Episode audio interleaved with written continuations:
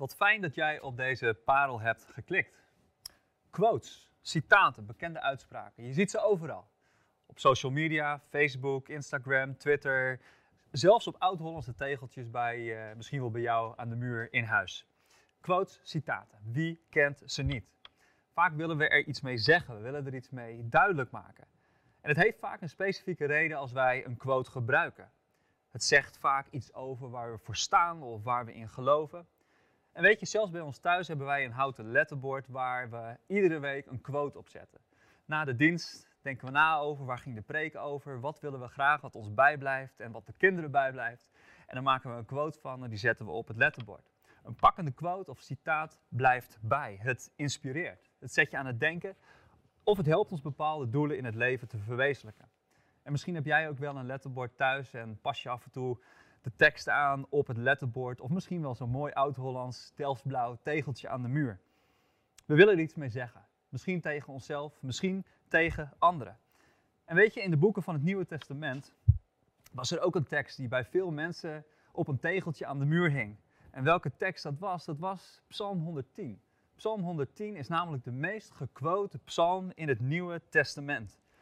Blijkbaar is de inhoud van deze psalm zo belangrijk dat deze psalm zo vaak werd aangehaald. En willen de mensen die deze psalm hebben gequote er iets mee duidelijk maken. Maar wat willen ze duidelijk maken? Daar wil ik het vandaag met jullie over hebben. Zullen we Psalm 110 gaan lezen met elkaar? Psalm 110. Ik lees hem vanuit de herziene statenvertaling. Het begint met de tekst belofte voor de priesterkoning. De Heere heeft tot mijn Heere gesproken. Zit aan mijn rechterhand, totdat ik uw vijanden gemaakt zal hebben tot een voetbank voor uw voeten. De Heere strekt uw machtige scepter uit vanuit Sion en zegt: Heers te midden van uw vijanden. Uw volk is zeer gewillig op de dag van uw kracht, getooid met heilig sieraad. Uit de baarmoeder van de dageraad is voor u de dauw van uw jeugd. De Heere heeft gezworen en hij zal er geen berouw van hebben. U bent priester voor eeuwig naar de ordening van Melchizedek. Tot zover. Om even een paar dingen aan te stippen uit deze psalm. Allereerst is het belangrijk om te beseffen dat psalm 110 is een messiaanse psalm. Dat is een psalm die ongeveer duizend jaar voor de geboorte van Christus door David al werd, werd, werd, werd uitgesproken, werd gezongen. Er wordt in dit gedeelte niet over David gesproken, maar er wordt gesproken over Davids Heer. David zegt namelijk, de Heere heeft tot mijn Heere gesproken. En nu denk je misschien, de Heere heeft tot mijn Heere gesproken. Spreekt God dan tegen zichzelf? Nee, zeker niet. Als we naar de originele tekst kijken, dan zien wij namelijk dat het eerste woord Heere wordt aangeduid met Yahweh in de grondtekst. En Yahweh is de persoonsnaam van God, zijn meest heilige naam. We kunnen veronderstellen dat als er over Yahweh gesproken wordt, dat er wordt gesproken over God de Vader. En de Heere sprak tot de Heere van David. En wie was dan de Heere van David? Zo kijken naar dat woord Heere en we kijken naar de grondtekst, dan staat daar Adonai. En Adonai betekent heerser, betekent soeverein, betekent machthebber. En dit kan op een koning duiden, maar het kan ook duiden op God in zijn functie als bevelhebber van de hemelse legers. Het kan duiden ook op Jezus. En over hem gaat het in dit gedeelte. Het gaat in dit gedeelte over Jezus. We lezen in Psalm 110 dus dat Jezus aan de rechterhand van God zit.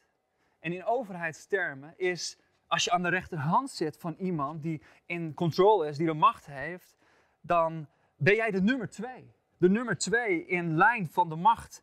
Dat betekent dat de nummer twee, hij heerst en hij, hij regeert. Maar we lezen in dit gedeelte ook dat hij priester is voor eeuwig naar de verordening van Melchizedek. En hier wil ik tijdens deze parel extra bij stilstaan. Wat wordt er nou mee bedoeld? Het priesterschap van Melchizedek. Wat betekent dat nou voor jou en voor mij? Om te achterhalen wie of wat Melchizedek is, moeten we een sprongetje terugmaken naar het leven van Abraham. Graag wil ik met jullie lezen in Genesis 14. Genesis 14, vers 18 tot en met 20. En daar staat: En Melchizedek, de koning van Salem, bracht brood en wijn. Hij was een priester van God, de Allerhoogste. En hij zegende hem en zei: Gezegend zij Abraham door God, de Allerhoogste, die hemel en aard bezit. En gelooft zij God, de Allerhoogste, die overgeleverd heeft uw vijanden in uw hand. Dit is het enige gedeelte waar echt gesproken wordt over Melchizedek, waar Melchizedek ook aanwezig is. We zien verwijzingen in het Nieuwe Testament, waar gerefereerd wordt naar deze tekst en naar Psalm 110, waar gesproken wordt over Melchizedek. Maar dit is de enige situatie in de hele Bijbel waar Melchizedek is, waar Melchizedek iets doet. Wie was dan deze mysterieuze man? Wie was deze mysterieuze priester? We lezen in dit gedeelte dat allereerst hij was priester van God. En dit was nog voor de Levieten, voordat de Levieten aangesteld werden als priesters. Melchizedek was priester van God.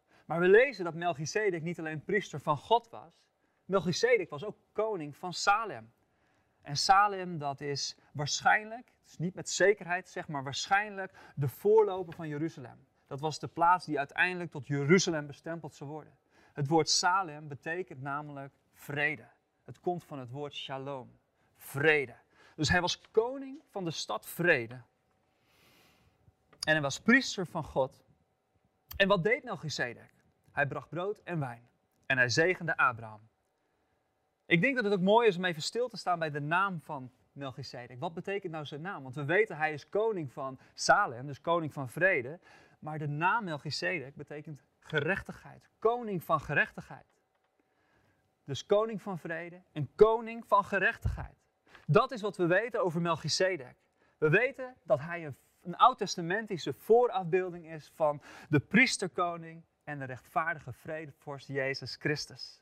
Van wiens regering de heilige plaats Jeruzalem het middelpunt zal zijn. Zie je de verbanden, de links, de voorafbeelding? Er zit zoveel rijkdom in dit stuk, zoveel rijkdom in dit schriftgedeelte. Zo prachtig dat in het eerste boek van de Bijbel, in Genesis, al gesproken wordt over de rol en de positie van Jezus. Jezus zal niet alleen koning zijn van gerechtigheid, maar ook priester van God voor eeuwig. In mijn vorige parel, een paar weken geleden, sprak ik over het eeuwigdurend koningschap van Jezus. En dit keer wil ik gewoon kort stilstaan bij Jezus als hoge priester. Wat was nou de taak van een priester? In het Oude Testament was de taak van de priester als een soort van bemiddelaar tussen God en tussen de mens. Mensen konden niet zomaar contact met God hebben. Er was een priester voor nodig. En God stelde een soort tussenpersoon aan. Dat was de priester. Een priester vertegenwoordigt God bij de mens en vertegenwoordigt de mensen bij God. Een belangrijke taak van de priester was ook het offeren van dieren namens het volk aan God. Die offers waren bedoeld om fouten, om zonden die de mensen hadden gemaakt, goed te maken. Het brengen van offers voor God namens het volk is namelijk iets wat priesters veelvuldig deden in het Oude Testament. En weet je, opvallend in het schriftgedeelte wat we net hebben gelezen, in het schriftgedeelte waar, dat, waar Melchizedek zeg maar uh, uh, was, is dat we hier niks zien over een offer wat Abraham bracht met Melchizedek, wat hij weer bracht aan. Nee, wij zien dat Melchizedek juist kwam met brood en wijn. Hoe bijzonder is het dat Melchizedek, priester van God, de koning van vrede en gerechtigheid, kwam met brood en wijn bij Abraham en kwam om Abraham te zegenen. Ik zie hier die lijn naar Jezus. Wanneer Jezus samen met zijn discipelen het paascha viert, zegt hij het volgende in Matthäus 26, 26, vers 26 tot 28. En er staat, en terwijl zij aten, nam Jezus het brood. En toen hij het gezegend had, brak hij het en gaf het aan de discipelen en hij zei, neem, eet, dit is mijn lichaam. Hij nam ook de drinkbeker en nadat hij gedankt had, gaf hij hun die en zei, drink alle daaruit, want dit is mijn bloed, het bloed van het nieuwe verbond, dat door velen vergoten wordt tot vergeving van zonde. De brood en de wijn die Melchizedek meebracht naar Abraham, zou best kunnen wijzen naar het offer wat Jezus zou brengen. Geen offer aangeleverd door mensen, maar een offer gebracht door de hoge priester hemzelf. De hoge priester hemzelf was het offer. Jezus was het offer. En weet je, binnenkort vieren we Pasen, vieren we Pascha. In deze tijd staan we stil bij het sterven van Jezus, bij de lijdensweg naar het sterven. Jezus die zichzelf heeft gegeven voor de mensheid. Jezus die kwam als een offerlam om geslacht te worden. Om te sterven voor onze zonde en onze ongerechtigheid.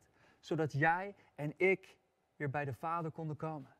Zodat jij en ik weer in relatie kunnen staan met God. Daarvoor kwam Jezus. Jezus de hoge priester. De bemiddelaar tussen de mens en tussen God. En tegelijkertijd Jezus de koning voor eeuwig gezeten aan de rechterhand van God. De heerser over alles wat leeft. Psalm 110, de meest gequote psalm in het Nieuwe Testament. Een korte psalm, maar wat een lading. Wat een lading heeft deze psalm. Dus Melchizedek, enerzijds priester van God en koning van vrede en gerechtigheid. En aan de andere kant Jezus, koning van vrede en gerechtigheid en een hoge priester tot in eeuwigheid. En nou zou ik deze parel kunnen afsluiten met deze prachtige gelijkenissen tussen Melchizedek en tussen Jezus. En Melchizedek die de voorafbeelding is van Jezus, die gekomen is voor jou en voor mij. Maar belangrijk vind ik niet alleen om aan te stippen de positie van Jezus, maar belangrijk vind ik ook om aan te stippen wat de positie is van jou en van mij. En dat wil ik graag lezen in 1 Petrus 2, vers 9. Daar staat, maar u bent een uitverkoren geslacht, een koninklijk priesterschap, een koninklijk priesterschap, een heilig volk, een volk dat God zich tot zijn eigendom maakte, opdat u de deugden zou verkondigen van hem die u uit de duisternis geroepen heeft tot zijn wonderbaar licht. U die voorheen geen volk was, maar nu Gods volk bent. U die zonder ontferming was, maar nu in ontferming aangenomen bent. Jij en ik, wij zijn geroepen tot een koninklijk priesterschap. Amen.